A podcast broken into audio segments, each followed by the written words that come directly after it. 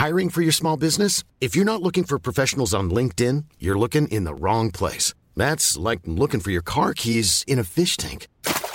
LinkedIn helps you hire professionals you can't find anywhere else, even those who aren't actively searching for a new job but might be open to the perfect role. In a given month, over 70% of LinkedIn users don't even visit other leading job sites. So start looking in the right place. With LinkedIn, you can hire professionals like a professional. Post your free job on linkedin.com slash people today. Millions of people have lost weight with personalized plans from Noom. Like Evan, who can't stand salads and still lost 50 pounds. Salads generally for most people are the easy button, right? For me, that wasn't an option. I never really was a salad guy. That's just not who I am. But Noom worked for me. Get your personalized plan today at Noom.com. Real Noom user compensated to provide their story. In four weeks, the typical Noom user can expect to lose one to two pounds per week. Individual results may vary.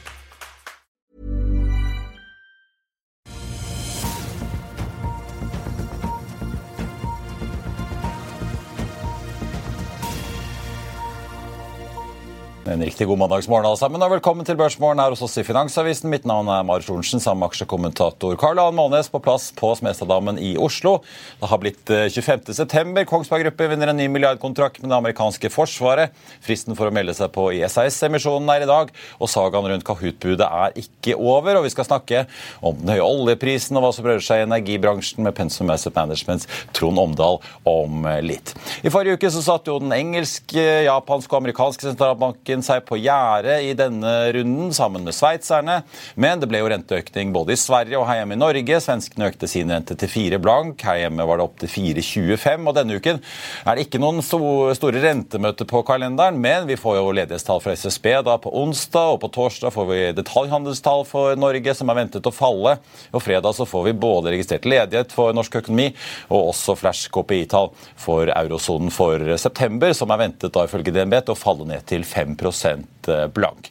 Her hjemme så ventes hovedindeksen eh, ned med mellom 0,2 og 0,3 fra start i dag, avhengig, avhengig om du spør DNB eller Nordnett. Den endte jo da opp 0,3% på fredag til 12,99. Nesten 1300 poeng, som vi jo så litt tidligere i uh, uken.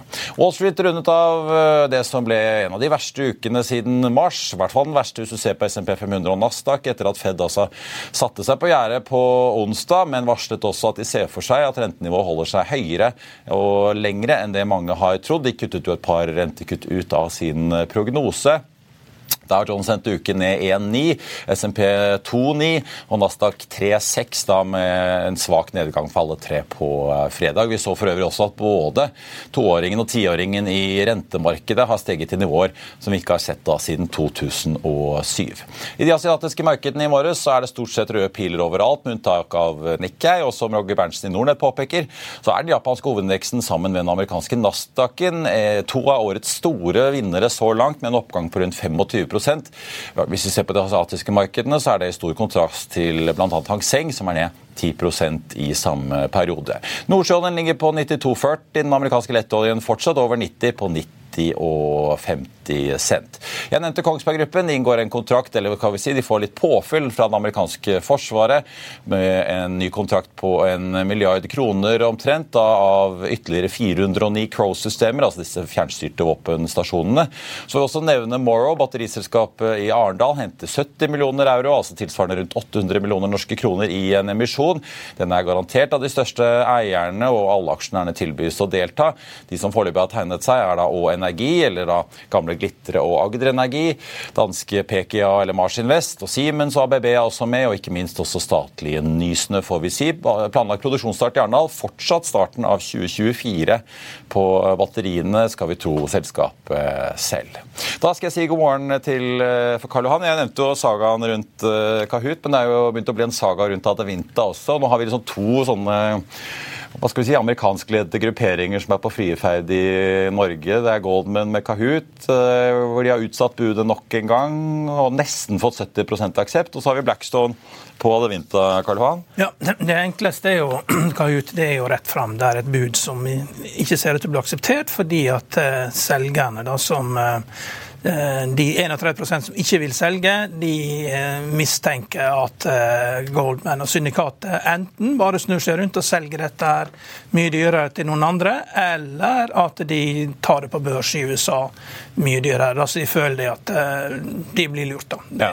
Så det, det, er rett fram. Altså, Ingen har lyst til å slippe nå?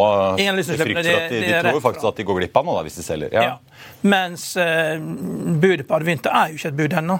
Så det er jo et, uh, det er jo et uh, ikke, ikke, bindende bud. Ja, Du skriver i avisen at her er det noen som vet veldig mye, og andre ikke. ja. Noen ting. Ja. ja. og det er uholdbart. Så eh, Skipsted bør jo ringe eh, kjøperne her og liksom Hva, hva, hva er planen, liksom? Hva, hva, er det de har tenkt å gjøre her? Og, og hvorfor er det ikke bindende? Jo, det er jo sannsynligvis for at eh, finansieringen ikke er på plass. Og så da, da blir jo det sånn at du går og skal kjøpe deg et hus, og så jo da, du, du, du, du, har ikke nok lån, da, men du kan få et, du kan få et forbrukslån med oss. Billig forbrukslån, og vi har funnet ut at det markedet skal ha 15% så vi kjøper halvparten av aksjene, og resten altså finansierer vi med forbrukslån fra selskapet. Det, altså, her er så mange muligheter, og de, det er helt tydelig at de er helt opptatt av å skaffe en transaksjon i en eller annen form. Og, og Skipsted, både Skipsted og eBay må passe seg litt her, altså, fordi uh, private equity det går veldig fort i svingene. og nå, nå, Hvis du sitter på en desk nå i, i, USA, så er det vanskelig å få gjort emisjoner. De emisjonene som kommer i høst, det er store selskaper som spinner av ting. Der Dana her altså på 180 milliarder i market cap skal spinne av en divisjon til 18 milliarder. Det er som om Equinor skulle ha spunnet av en divisjon. Det er helt risikofritt. Liksom, det er helt risikofritt. Og, og, og, de bryr seg ikke om dette ikke skjer. Så alle de åtte store emisjonene som er lina opp eh, for oktober, er denne type emisjoner. det er det vi vet. Men hva skal alle andre holde på? Jo, det handler jo om, da, om å skaffe likviditet. fordi det er klart, akkurat som, som i en privat husholdning, private equity har jo våkna opp, og så er renten 5% høyere. Alle trenger likviditet. og Da kan du gjøre sånn som eh, Blackstone gjorde med å gå til CoreWeave. Eh, du, du genererer en transaksjon.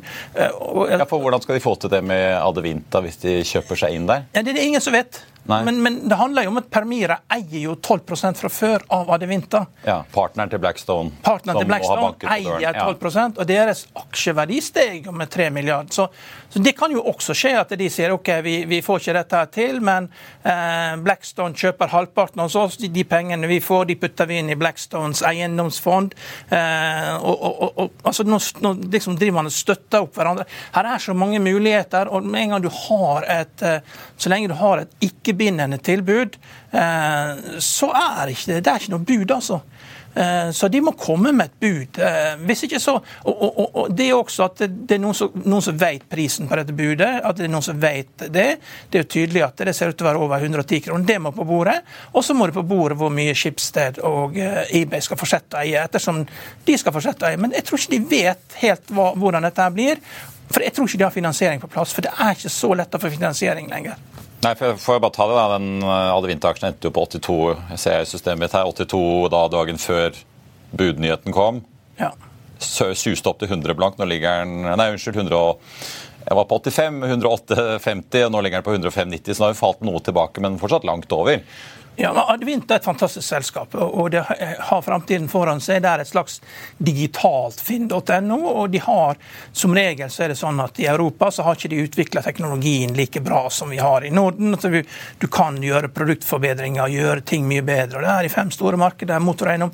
Men likevel, der du er nå, så kaster ikke dette så mye av seg kontantmessig. altså sånn 3-5 fri cashflow i forhold til der kursen var. og Det, det er noe, det er ikke noe sånn fantastisk juridisk grunnlag til å gjøre sånn leverage buyout. altså Barbarene kommer og banker på døren, og så bruker du selskapet til å finansiere dette. Så, så kom med alle detaljene på bordet, så vi får se hva dette her er. For ikke-bindende tilbud betyr at du har ikke pengene. Nei. Da er det noe som mangler. Eller du bare sender ut en prøveballong. Ja, det, er godt, det, er ikke godt, nok. Nei, men det er kanskje det de gjør, da. Nei, men det er, det er, mer enn det. Altså, de, de, det vi vet, da, Skipsted har jo kvartalspresentasjon 25.10. De har jo lovet at de innen den tid skal komme med en avklaring på hva de skal gjøre med Adevinta-aksjene sine. Det antar jeg Blackstone og Permira er jo smertelig klar over det. Men Så at det skjer et strategisk spill her nå i forkant for å røyke ut hva Skipsted har tenkt å gjøre eller ikke? Ja, bare pass på at. Hadde Anne Winther ikke sitter og finansierer dette sjøl. Sånn det, for det, det, det viktigere for private equity å skape en transaksjon for, på alt som er nå, for å vise salgsgevinster. fordi at det er eh, det er en sektor som sliter noe voldsomt. fordi eh, det er bare å se på, eh, I ekstremtilfeller i Norge så gjør vi ting. Bare se på disse eiendomsprosjektene som er i Norge. da. Det er jo ekstrem private equity, at du har altfor mye gjeld, og da blir all egenkapitalen tapt. Og veldig mange private equity-selskaper de sitter med at her har alt gått tapt. Eh, spesielt innen kontoreiendom. Og Hvis du da får frigjort likviditet, du får generert noen salgsgevinster, så er det nok til at disse her pensjonskassene som, eh, som overhodet ikke følger med på hva som skjer, altså det er koner som ikke følger med på sine ektemenn, akkurat samme er det med, med private equity-investorer. Tenker du på Alekta nå, eller? ja, hva som helst. Folk følger ikke med hva som skjer. Ja. Hvis du bare gjør et eller annet som ser ut dette her er bra, så kommer du det videre. liksom, At det er liksom ikke så ille. Se, her har vi fått en salgsgevinst, osv. Det er kanskje sånn uh, Hightech Vision har ordnet seg. De solgte jo aksjer i Vår Energi her plutselig forrige uke. Ja, det var jo rart. Det, enten så enten, For ett år siden så omstrukturerte de jo eierskapet sitt hvert fall sånn man kunne tolke meldingen, for at man skulle få ut penger i noen high-tech-fond, Ja. men at man fortsatt ville bli med videre. Så man omrokerte på hvilke fond, litt avhengig av eh, profilen i de ulike PE-fondene i high-tech-systemet. Ja, Og nå selger de plutselig litt, da. Ikke alt, da, men stort salg. ikke sant? De eide 20,7% og så selger de 6,3% så de er ned på 14% altså Det er jo et stort salg. Da, da er det enten fordi at de virkelig ikke tror det at kostnadsoverskridelsen har slutt på FPSO-en, eller at de trenger penger til noe annet. Eller at de tror dette er toppen. Nei, de tror ikke det er toppen. Altså, det er vi hørte, jo, 92 da vi hørte jo Ove Gusevik eh, på uh, oljeseminar i, i, i Sandefjord. Ja, nei, Nei, i Sandefjord, ja. I starten av året. Ja, Ja. jo, det var jo en, en av de mest solgte emisjonene i Norge. En av de mest holdte blant private investorer. Og det er jo noen som har pumpa dette her noe voldsomt. Og, da, og kursen er den samme nå som det var for ett år siden. og Hvorfor skal du plutselig da ut av dette her, som liksom blir solgt som noe av det beste i Norge siden ostehøvelen ble oppfunnet? liksom? Ja, Da får vi håpe at det er for likviditeten og ikke eh, at det er utsiktene for selskapet de Ja, det er er bekymret for. Da. De har jo akkurat byttet sjef i Vår Energi, har vi jo merket oss. Ja. Ja. Vi får se hva Nick Walker Ja. eh, får til. Eh, Jeg tenkte bare å ta med det. da. Adevinta faller en snau prosent i dag til 107,50. Ligger den på nå. Skipsstedaksjene A og B, begge fortsatt oppe i dag. Kahoot kryper oppover noen få desimaler til 34,10. Budet er da på 35 kroner. Ny frist 6. The third and final offer, holdt jeg på å si. The third and final date. Tredje utsettelse, og da ifølge uh, Goldman Sachs-grupperingen aller siste frist og bud. Vi får se hva som skjer. Hovedveksten på Oslo Børs ned eh, 0,2 fra eh, start. Jeg tenkte også bare ta med et par andre nyheter som er verdt å merke seg. Biofish annonserte jo bytte av sjef her på fredag. Sondre Hagerup Jonsrud kommer inn per 1.10, når dagens sjef da, Torbjørn Skulstad har varslet at han går av og skal over i et styreverv i selskapet. Biofish ble jo etablert i 2016 som en småttprodusent på land, og de har et anlegg da på Jones utenfor eh, Bergen. To selskaper er i gang med tilbakekjøp av aksjer. Storebrand er den ene. De fortsetter da del to av tilbakekjøpene på totalt 1 milliard. Nå er de i gang med den siste halve milliarden, som starter nå og skal være ferdig da innen 22.12. Og Hydro starter et tilbakekjøpsprogram av egne aksjer på inntil 100 millioner aksjer. Det tilsvarer rundt eh, 1,6% og løper frem da til 29. februar. Så tenkte jeg bare skulle se om jeg Der var Hydro-kursen da 62 eh, kroner aksjen ligger den på eh, nå. Og så er det Bluestep, da. Deres oppkjøp av Bank 2 har blitt godkjent av Finanstilsynet i Norge og eh, Sverige etter tidsplan. Så der ser det ut til at det går som det skal. Sist, eh, men ikke minst eh, Explora, dette selskapet som eh, har utviklet smartklokker for barn. De har nå inngått et samarbeid med mobilselskapet Trumi i USA, der de da deler abonnementsinntekter og også overskudd fra salget av disse dingsene. Og de peker jo da på at de allerede har avtaler med selskaper som Vodafone, Telefonica, Deutsche Telekom, OneCall og Elisa da i Finland. Vi er straks tilbake med Trond Omdal rett etter dette. Vil du bli oppdatert på det viktigste som har skjedd innen finans og næringsliv? Da er det bare å følge med, for hver morgen er jeg, Marius Lorentzen og aksjekommentator Karl Johan Malnes på plass i studio for å ta tempen på dagens marked i Børsmorgen. Og hver ettermiddag oppsummerer vi alt du trenger å vite i økonominyhetene, og det blir selvfølgelig masse interessante gjester. Klikk deg inn på fa.no-tv, eller søk opp Børsmorgen og Økonominyhetene der du hører på podkast. Planning for your next trip? Elevate your travel style with Quince. Quince has all the jet setting essentials you'll want for your next getaway, like European linen, premium luggage options, buttery soft Italian leather bags, and so much more. And is all priced at 50 to 80% less than similar brands. Plus, Quince only works with factories that use safe and ethical manufacturing practices. Pack your bags with high-quality essentials you'll be wearing for vacations to come with Quince. Go to quince.com slash pack for free shipping and 365-day returns.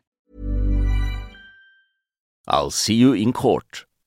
Vi sier det ofte litt på spøk, men for deg som driver business, er det aldri moro å innse at du ikke har laget en 100% gyldig kontrakt. Du bør ikke risikere hele firmaet ditt fordi du synes dette med kontrakter er litt stress. En avtale er ikke en avtale. Du kan miste kunder, miste venner, ja, til og med miste inntekter om du ikke lager en skikkelig kontrakt, på alt mulig, egentlig. Men vi vet det er et styr. Kopimaskiner, tregprinter og haugevis av papir. Dessuten stoler vi jo på folk her i landet. Det er ofte litt kleint å skulle be om en signatur for alt mulig, ja, for mye av styret handler også om jakten på underskriften. Det finnes en enkel måte å løse dette på, Dukkobit, en trygg, effektiv og get this, gratis måte å sikre seg en god natts søvn pluss en juridisk bindende avtale. Dukkobit-appen har de strengeste sikkerhetskrav i bunn, samt en EU-godkjent og sertifisert teknologi. Framover vil det bli behagelig å spørre du, skal vi skrive under på det, eller? Kom i gang på dukkobit.no.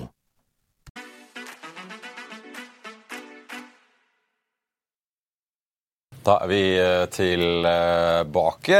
Bloombergs Javier Blass skrev i helgen at eh, den russiske Espo-oljen, som altså skipes ut eh, mot Østen, nå handler til en premium til nordsjøoljen Brent, som gjør at noe av den altså selges nærmere 100 dollar fatet. Og som Bloomberg-kommentatoren er inne på, da virker jo ikke G7-pristaket på 60 dollar å funke veldig godt. Velkommen og god morgen, Trond Omdal, forvalter i Pensum Asset Management. Takk du. Ja, det er jo høye priser om dagen, eh, men at russerne selger for mer enn det Equinor og Aker BP får for sin olje, er jo kanskje litt spesielt? Det er veldig spesielt, og det var jo ikke som sagt det som var intensjonen med pristaket. Men eh, det har jo bidratt til at de nå kuttet 300 000 i eh, dieseleksport. Ja. I tillegg til at de kanskje litt overraskende sammen med Saudi Eh, kutta, eh, eller forlenge kuttene sine på 300 000 ut september.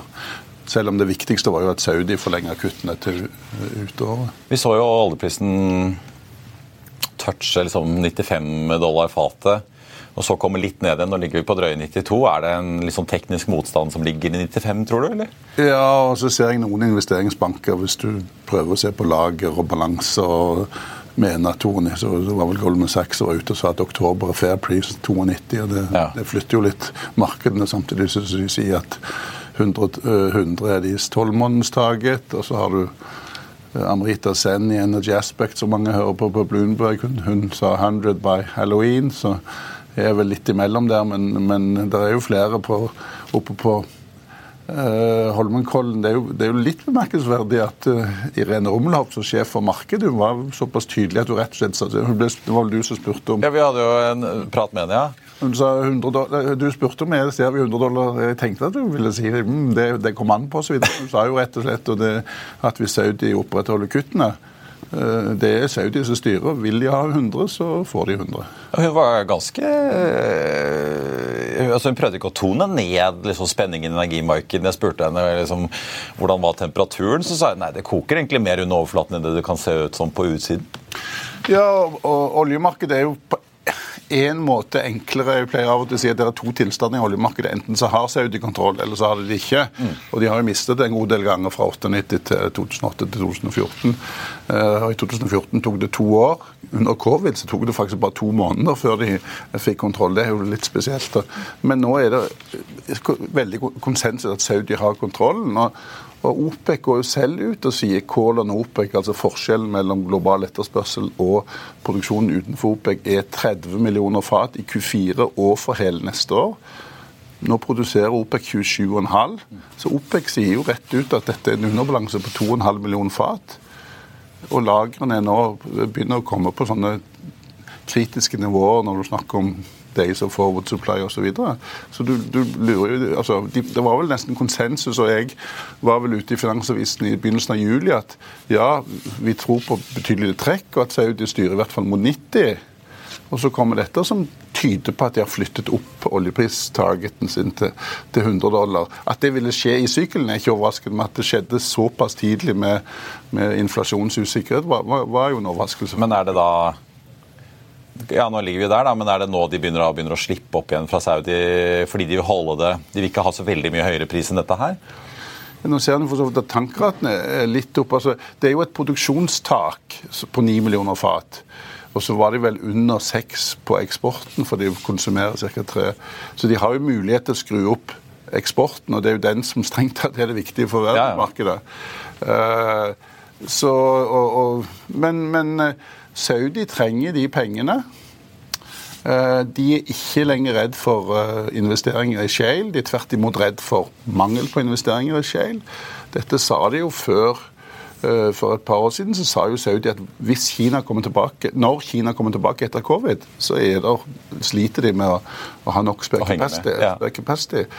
Så, og Det er jo det som gjør at JP Morgan og andre sier at at du risikerer å gå i 150 dollar. Det er jo det som er utfordringen, at hvis du stanger høyt i taket på spare capacity, så risikerer du at det går i den ene grøften til den andre. Du liksom spretter opp i 130-140, hvor du får demand destruction, og så ser det ut som det, det Da begynner folk å slutte å kjøre, alt jeg på å si. Ja. ja. men det er finansielle investorer som styrer i den retningen det går. ikke sant? Og når da oljeprisen gikk fra 125 til 70, ned mot 70, så var det fordi USA pumpa en million fat per dag ut fra strategiske lagre. Og da fulgte finansielle investorer dette ned. Kjørte det ned til det kom ned til 70, og så tok Saudi over igjen.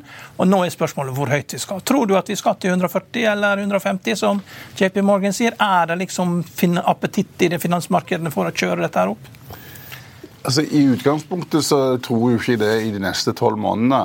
Eh, men at, at du vil nå der i denne sykkelen, er jeg jo helt overbevist om. Eh, men, men makrosykkelen er jo litt krevende. Går det for høyt, så risikerer du at du får, får en, eh, en, en, større problem, problematisk krise. Men det, det, som er unikt i denne sykkelen, og som var mye av temaet på øh, øh, konferansen forrige uke, er jo at Fortsatt er det underinvesteringer. og Så ser det ut som demand er på all time high.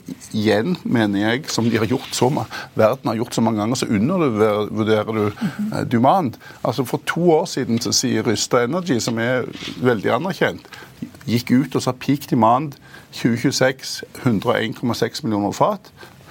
To år senere Da er vi på 103, eller noe sånt, er ikke det? Ja. 103. OPEX 110.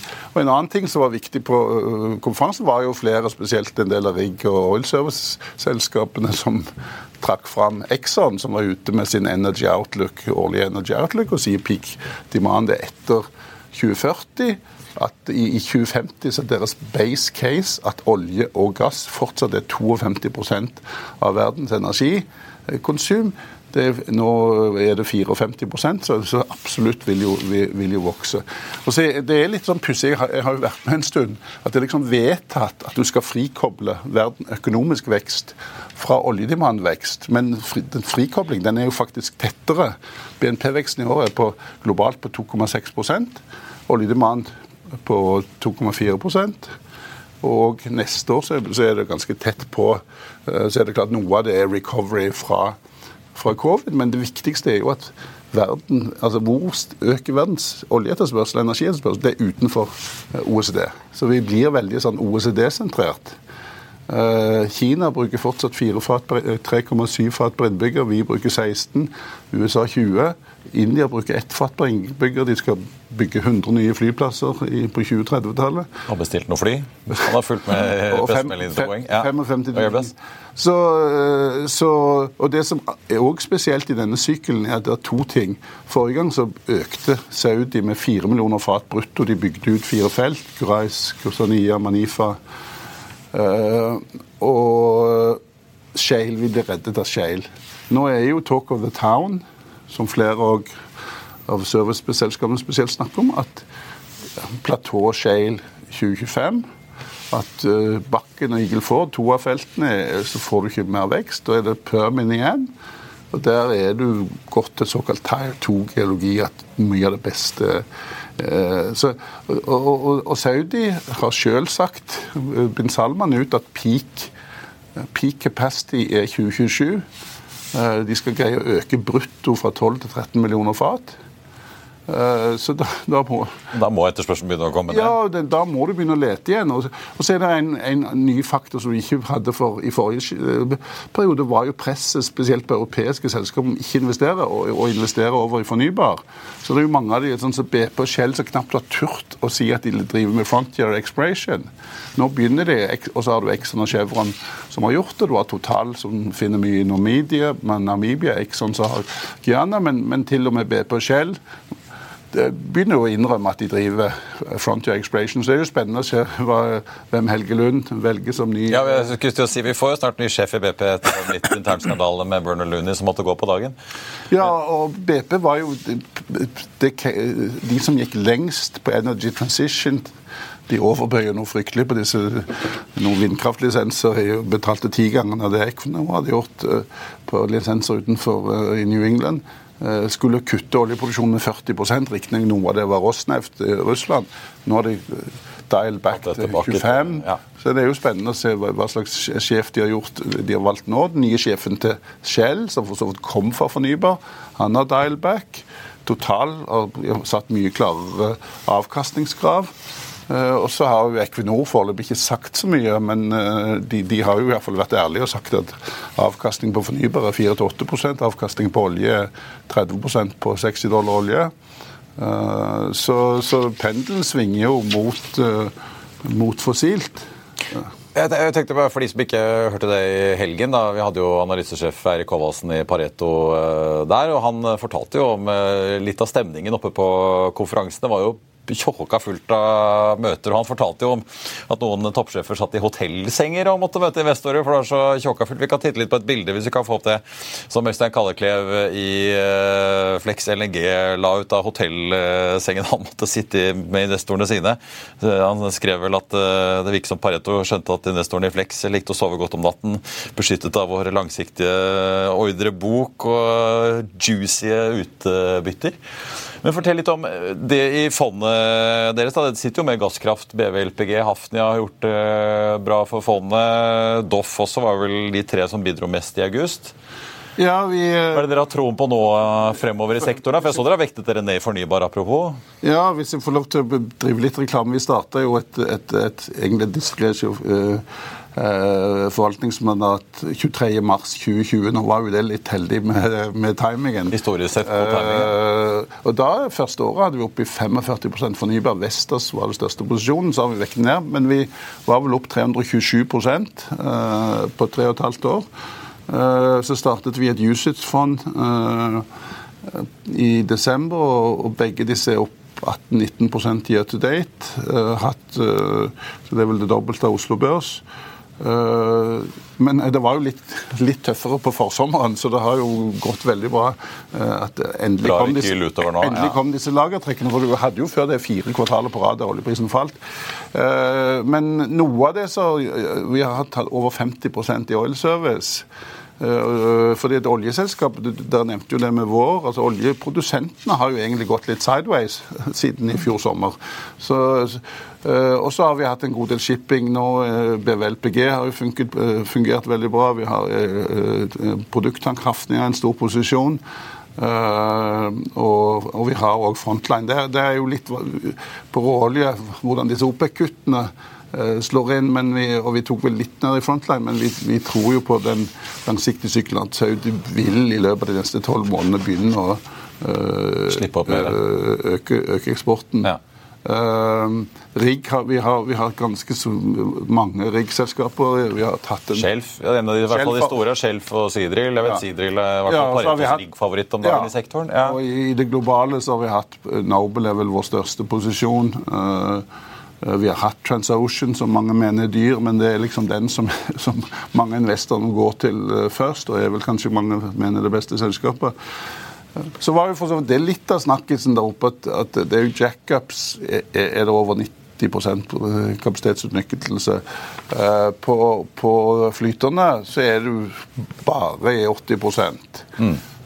Så hvorvidt du Altså, ingenting går jo rett, rett, altså, rett opp til høyre, men, men jeg, jeg tror jo at hvis du ser langt nok fram, så vil jo òg mye av, det, mye av assetene prises nærmere opp til replacement cost. i Og den- da skal det vel opp. For det er jo noe vi har hørt Karl Johan fra om du snakker med på si, Doff på offshore, eller du snakker med seismikk, eller hvem enn du snakker med. En ting er at ingen virker å være så interessert i å finansiere nye bestillinger, men det er jo at det er dyrt også. Og så bestille en ny ankerhåndterer, bestille et nytt seismikkskip, det er jo mye Ja, altså, dyrere enn det det har vært. Vi snakket vel om at flyteren nå prises, altså flyter rigg prises til 300 eh, millioner dollar, og et nybygg, who knows, hvis det i det hele tatt noe verft ville bygge det, så snakker de om tusen, altså, eh, en milliard dollar per rigg.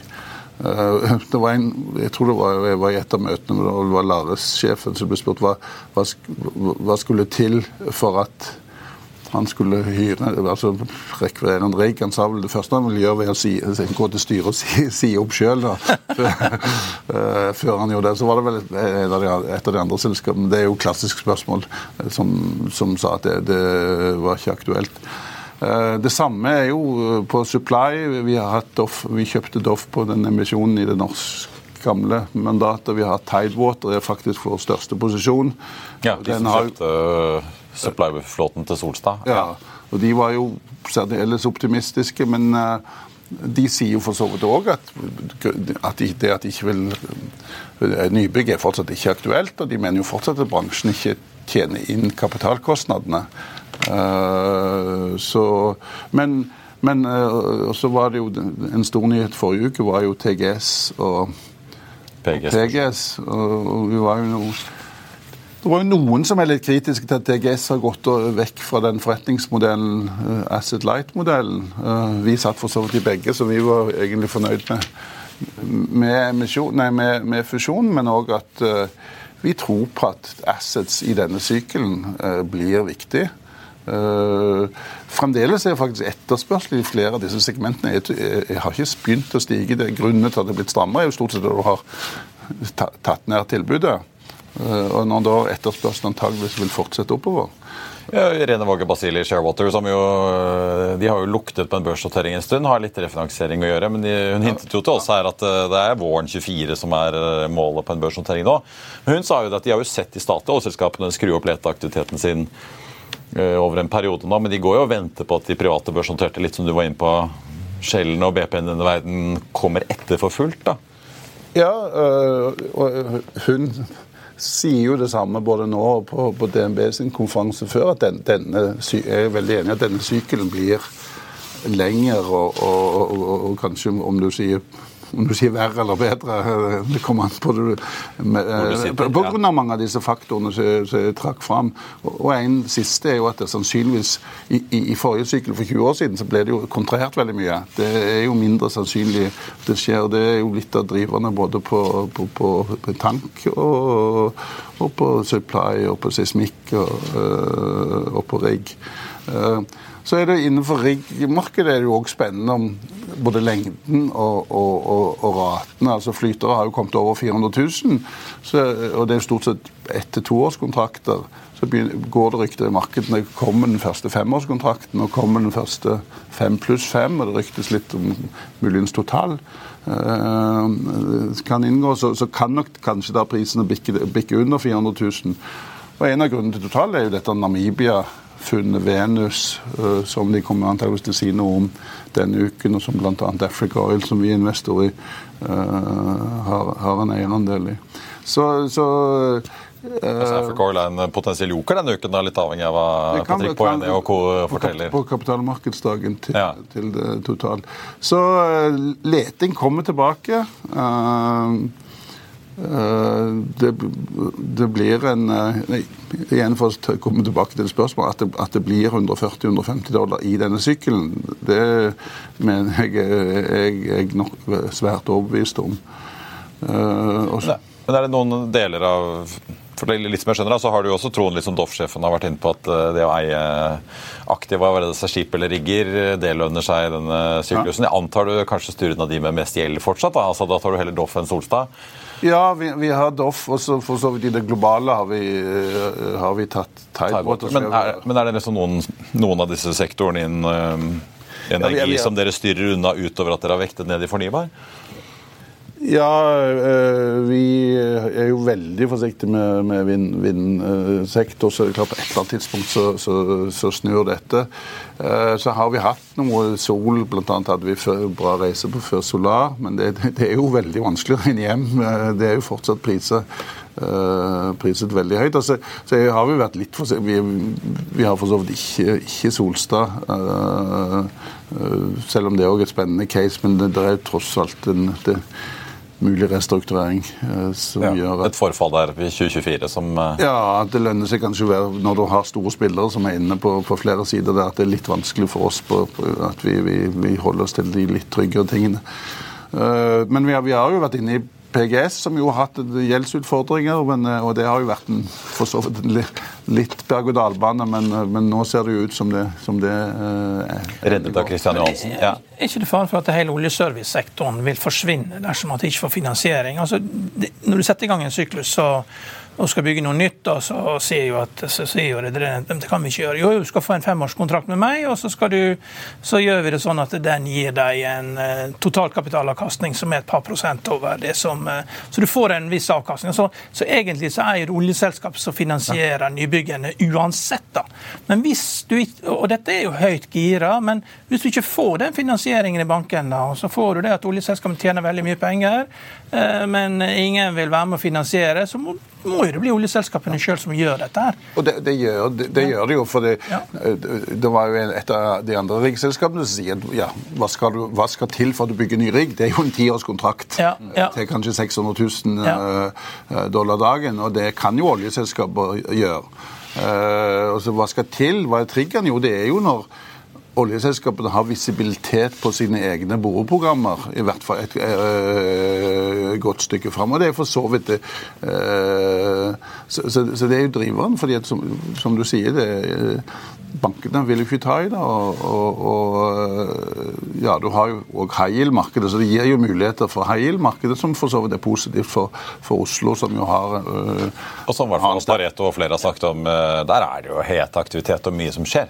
Selv om det ikke er noe særlig børsnoteringer? Ja, dette er jo det Flex LNG opprinnelig feila på. Da, at de skulle liksom ha 15% totalkapitalavkastning på disse eh, De nekta å gi seg, mens oljeselskapet sa hei, hei, hei, vi gir, vi gir jo ikke mer enn 2% avkastning i forhold til risikofri rente. Og high yield er jo mye høyere enn det, så du, oljeselskapene er ikke villige til å betale den kapitalkostnaden. det vil være. De må kanskje gjøre det, da? hvis de nei, skal få... Nei, nei, da gjør de ikke det. Det er, det er helt uaktuelt. Der er det, kapitaldisiplin det er iallfall én ting de har. Det, er helt, ja, det, det kan godt hende de roter bort pengene etterpå, men idet du gjør investeringen, så er det, så er det kapitaldisiplin. Ja, ja, ja, det er det nødt til å være. Ellers hadde det gått helt over styr. Jo, jo, men vi får jo se det, det, det er jo ett problem, eller en utfordring òg for oljeselskapene er jo selvfølgelig at kostnadsinflasjonen kommer tilbake. Uh, så kan Vi har sett det på Balder og Castberg denne uken. Ja, så kan, så kan du se at de, både den midlertidige skatteordningen og det nye systemet eh, jo, gjør jo at på norsk sokkel så er Capex, uh, altså overskridelser, har mindre effekt på bunnlinjen.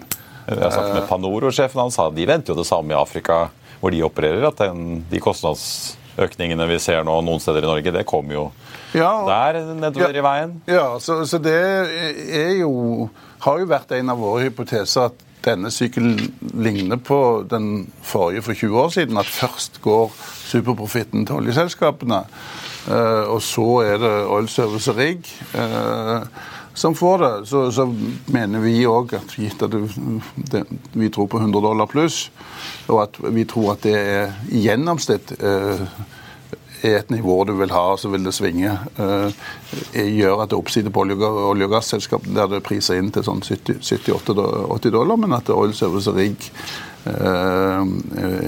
har jo enda større oppside. Men, men, men ingenting går jo rett, rett, opp. Det er klart, Oil Service er priset er billig på sånn 24-25 ørning, så hvis du plutselig ser at ørning ok, vi er ikke helt der, så risikerer du litt sånn luftlommer. Mens oljeselskapene er jo billige på på dagens inntjening. altså de, mm. Majors prises, eller Equinor og, og vår Aker BP prises jo til sånn 7-8 ganger. Altså Equinor har jo over 10% direkte avkastning på utbytte, i tillegg til at de kjøper tilbake aksjer. så det, du, du, Vår energi etter det siste nedsalget 15 uh, så, så de er jo billige her og nå. Og, uh, mens Oil Service og Rigg er liksom 2024-2025 inntjeningen de er billige på. Mm. Jeg, jeg, tror jo at det, det, det kan godt hende det er en supersyklus for olje som går lenger, men jeg tror vi får en nedgangskonjunktur før dette. her, og i alle fall hvis, eh, hvis oljeprisen dobler seg, så er tommelfingerregelen. Altså hvis den går på 70 til 140 i USA, så koster olje 6 dollar for bensin koster 6 dollar på pumpa, og da får du kraftig tilbaketrekning. For det, det, er for mye. Men jeg tror det er andre ting som bidrar til at eh, Og USA er et stort marked for olje. Det er veldig viktig. Og når du da får Når glasset knuses, så får du et, eh, får en kraftig tilbaketrekning.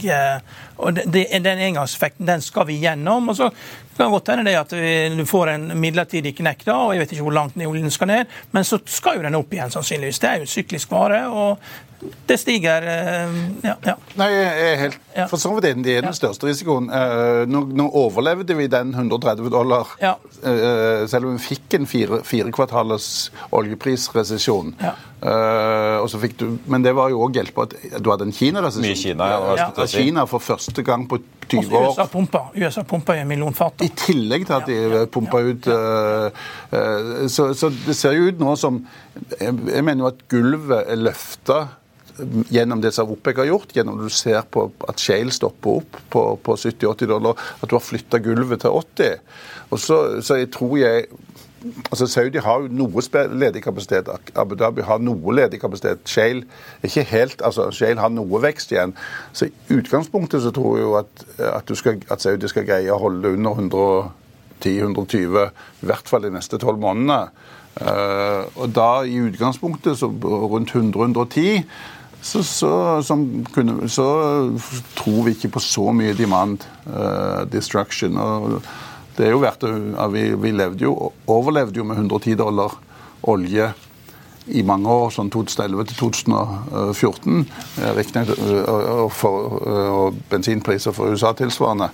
Da var jo for så vidt dollaren sterkere, sånn at det er litt mer krevende for, for emerging Har du studert noe samarbeid mellom USA og, og Venezuela med Chevron? hva som skjer der, og hvilket tempo det kan komme? Jeg mener i utgangspunktet at Venezuela er ikke en veldig game changer. fordi at de, altså, øh, de har jo store reserver, mye av det er tungolje.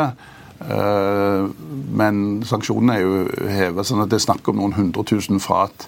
Du har sett Iran at de har vært Det er jo litt spesielt at USA har jo lagt både Iran og Venezuela mer volum til tilflyter markedet. Eh, men Venezuela er ikke, det er ikke veldig mange hundre tusen fat til. Eh, det, det, det, er mer langsiktig. Da må du gå inn i dette Orinoco-beltet, som er et sånt Det er oil sands, er ikke det? Nei, det er, det er det. Nei, det er jo nærmere sånn asfaltlignende. Altså, ja, ja. Statoil har jo vært der. Ja. Og det er jo verdens største teknisk recoverable. Snakk om 300 milliarder. Men da må de ha utledninger. Ja. Uh, og det er i hvert fall ikke på topp når det gjelder ESG og CO2-utslipp. det kan... Nei, apropos, jeg merket meg Karl Onny Hersvik, sjefen i Aker BP, eh, sa noe litt interessant. Han ble spurt om eh, M&A, altså oppkjøp på sokkelen. Vi har jo sett Vår Energi skal kjøpe Neptun, eller kjøper Neptun. Han sa de kom ikke over så mye interessant om dagen. For Enten var det dyrere løftekost enn det de hadde fra før, eller så var det høyere utslipp av fat. Det var liksom ikke noen parametere som var så veldig innvann og interessante, virket det som. Tror du det kan komme mye det... oppkjøp nå hvis det begynner å bli stramt på tilgang på oljeservice og leting, og oljeselskapene ser seg rundt og har masse penger på bok? og ja, det, det kommer jo en konsolidering. Nå så vi det i, i Olse og Seismikk. Uh, vi ser det jo på oljeselskapssiden. Utfordringen for Aker BP er jo at når du kommer over en viss størrelse, så greier du ikke å vokse organisk lenger. og De har bare vokst gjennom uh, oppkjøp, stort sett. Men da, nå er det ikke så mange igjen. Da er det jo Aker BP og Vår. og det er vel kanskje ikke helt sannsynlig i det, i det helt korte bildet. Men, men hvis du skal liksom fra 500 000 og nest opp mot millionen fat per dag, så er, det ikke så mange igjen. Og du, holder deg til norsk sokkel, og det, det, tror jo kanskje begge de to gjør. Uh, not, igjen, jeg tror ikke på noen, og spekulerer ikke noen fusjon i det nærmeste, men det er liksom de to aktørene hvis du skal ha noe materielt. Men ja, er, ellers er det jo aktører som er sånn 40 000-50 000 på norsk sokkel. Uh, og så har jo Aker BP en ganske stort produksjons... Uh, Utbyggingsportefølje? Altså, Capex. Men egentlig det Aker BP burde ha fylt ut, er, er på kort sikt, for produksjonen er faktisk fallende der. Og Sånn sett kan du si at for så vidt vår energi, som har en stigende produksjon i korte bilder, og, litt øh, og, og, fallende når, når Aker BP begynner å stige, at at de porteføljene kunne passe sammen. Men ja, igjen, jeg tror jo kanskje ikke på, på, på noen fusjon mellom de i det, i det korte bildet. Men... Tror du det blir ytterligere forsinkelser på FPSO-en til Vår Energi? Ja, altså både, både Balder og uh, Johan Kastberg er, er, jo selvfølgelig i uh, at det, det kan, kan, bli forsinkelser. Nå gikk de jo ut denne uken Uh, og det er jo det, det årlige når de skal sende inn til Olje Energi, at det, der kom de, de overskridelsene. Uh, og så klart han, Nick Walker har vel hatt et visst insentiv for at han ikke skal komme til markedet om, om et år, men uh, you never know. Ja. Uh, disse FPSO-ene har uh, Nå er det jo kommet på norsk verft, da. Og, det står jo hos Rosenberg og hos Acclusions på Støy, de to. Mm. Ja, så, så Men ja, jeg har egentlig ikke noe annen innsikt i at nå kommer de med, med nye overskridelser. Og jeg tror ikke det kommer noe nytt de neste seks månedene i hvert fall. Vi får eh, se. Trond Onvald, tusen takk skal du ha for at du eh, kom til oss. Okay, jeg tenkte bare å ta med på tampen noen oppgraderinger som har kommet på Adevinta på morgenen i dag. Deutsche Bank nedgraderer sin anbefaling fra da, kjøp til hold. Kursmål holder de uendret på 110, ifølge en melding fra Bloomberg. Og HSBC har oppjustert sitt kursmål da fra 94 til 132, så da legger de inn litt mer buffer kan vi si, til et mulig bud. Så får vi se om det eventuelt kommer noe på bordet. Adevinta er i hvert fall ned 1,2 til 107,20 akkurat akkurat nå. Skipsted-aksjene er i grønt mellom 1 og 2 Kahoot opp 0,2 til 34,15. Ellers så er hovedindeksen på Oslo Børs eh, fortsatt ned 0,2% fra start i dag. Så tenkte jeg også bare å ta med noen andre oppdateringer som har kommet på, fra analytikerholda på tre andre selskaper. Telenor, Berenberg oppgraderer fra hold til kjøp. Kursmålet har de på 140. Den endte jo fredag på 123,50. Så er det Nordic Semi. SEB kutter kursmålet med en 20-kroning ned til 150. Den endte fredag på 112. Så er det Davin, da, havvindservice-rederiet Arctic Security starter dekning der med en kjøpsanbefaling, kursmål på 34. Aksjen endte fredag på 23,70. Det var børsmålen for denne mandag 25.9. Husk å få med deg Økonominyhetene 14.30. Da har vi med oss Trygve Hegnar. I mellomtiden så får du sist nytt på FA1 og gjennom hele dagen. Ha en riktig god mandag og alle sammen. Vi ses.